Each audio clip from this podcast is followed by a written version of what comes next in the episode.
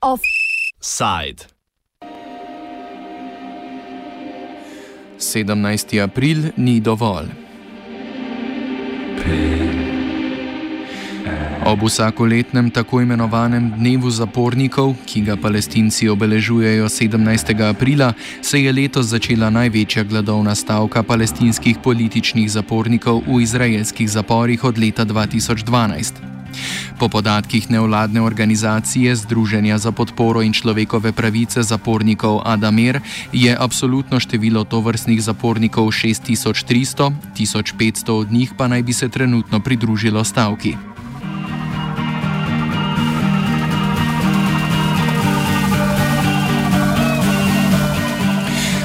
Zahteve stavkajočih so sledeče. Ukinitev pridržanj brez sojenja, ki trajajo nedoločen čas. Ukinitev služenja kazni v samici, več obiskov družin, ki uživajo to pravico večinoma le na papirju, dovoljenje fotografiranja ob tovrstnih obiskih, izboljšanje zdravstvenih uslug in namestitev plačljivega telefona v vsako krilo vsakega zapora.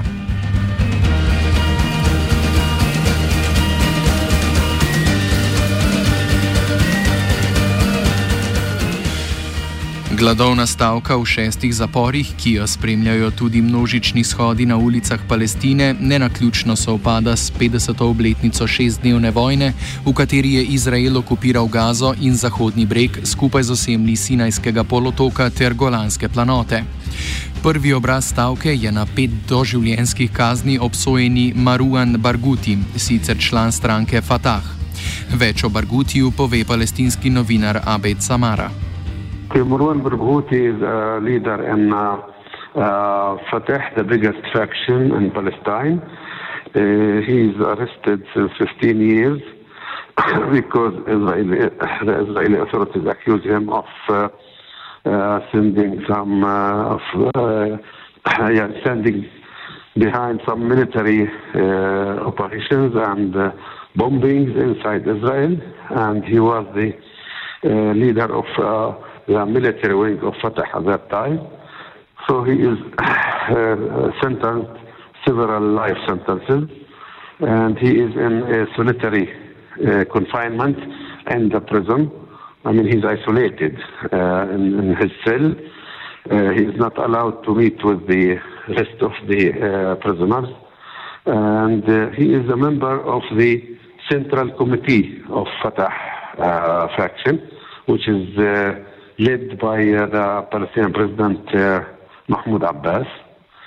And uh, Marwan Barghouti is, he was, it was elections for the Central Committee, he won the first, first place in that committee among Fatah people here in, in, in the West Bank.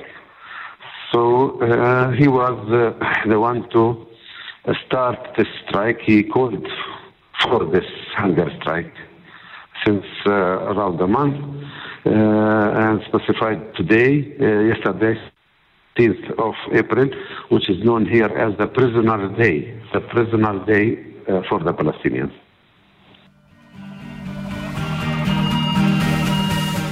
V nekaterih izraelskih medijih so se pojavila ugibanja, da gre pri tej stavki ravno toliko za znotraj strankarske boje, kakor za boj proti okupatorju.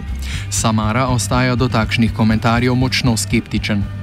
Well, and some Israeli analysis uh, went uh, too far to say that he is challenging Abbas uh, in the strike. Um, I don't uh, support this because Marwan Barghouti, uh, he is. Uh, uh, he is uh, supporting or he started this uh, strike because the situation inside the prison is very bad and even the Amnesty International uh, organization issued a communique three days ago saying that what the Palestinian prisoners are subjected to is uh, uh, a violation uh, to the international law.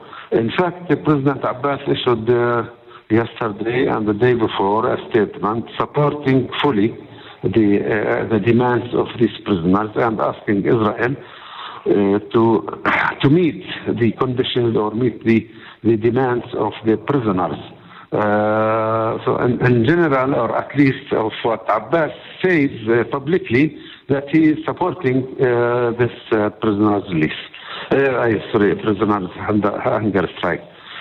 So, even if there is a challenge to Abbas, I don't know if Abbas he can't uh, he can face the popular support, the big popular support of the strike, not of Marwan Barghouti, because limiting the strike to Marwan Barghouti is uh, is some kind of an Israeli propaganda. It's all the leaders in the prison of other factions like Hamas and the Popular Front, all of them supporting the, the, the strike. So it's not uh, fair to limit their strike to Barghouti.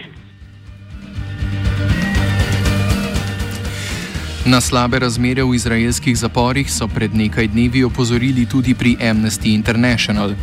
Izrael je bil v poročilu obtožen kršenja Ženevske konvencije zaradi pridržanja zapornikov aretiranih na okupiranih območjih znotraj Izraela. Seveda ne gre za prvo gladovno stavko, te so v izraelskih zaporih neredke. Vendarle pa je tokratna po številu sodelujočih največja v zadnjih petih letih. Historical, let's say, uh, hunger strikes. One was in 1997, another was in 2004. Uh, so this is the largest today, uh, which is the one, the current one, is the largest since uh, 2004. In the past, uh, Israel was, you know, after the strike there were some negotiations and the Israeli authorities uh, meet some demands and deny other demands. So the problem is that because this is important, this one, because the, the, all the demands that the Israelis uh, uh, support or uh, approve, uh, they retreat from them. They, for example, the television, the allowing students to, allowing the prisoners to study in the universities, uh, and other, uh, let's say, demands that the Israelis approved they come back and pull, pull them. So because of that, uh, the, the strike is uh, wide and so many people, uh, prisoners, uh, are following. So this is the importance of that. What I expect is that the Israelis, they, they will wait several days so that some of the prisoners, or maybe the prisoners might stop it. That's what the Israeli want. But uh, at the end, it's the same game. So the Israelis will allow will uh, meet some demands and refuse other demands. Izraelski minister za javno varnost Gilad Erdan pravi, da pogajanj stavkajočimi ne bo. V intervjuju za radio izraelskih oboroženih enot je slednje označil za teroriste in zaprte morilce, ki dobijo, kar si zaslužijo. Laj Buzejat iz Združenja za podporo in človekove pravice zapornikov Adamir opiše dosedanji odziv izraelskih zaporniških oblasti. The, the like they're taking escalatory measures within the prisons. Um, so they're trying to force the prisoners to put an end to the hunger strike. So what they're doing now is that they're placing prisoners and detainees uh, who are on hunger strike in isolation. Uh, they banned um, the, the, attorneys from visiting them, and they're banning them from having family visits as well. Um, so they are escalating um, in order to try and control um, uh, the hunger strike from spreading among other fellow prisoners. Um, so they're going to take any measures that they could um, in order to try and like either control or to push the prisoners um, to end the current hunger strike. So we don't really know what other measures they're going to take.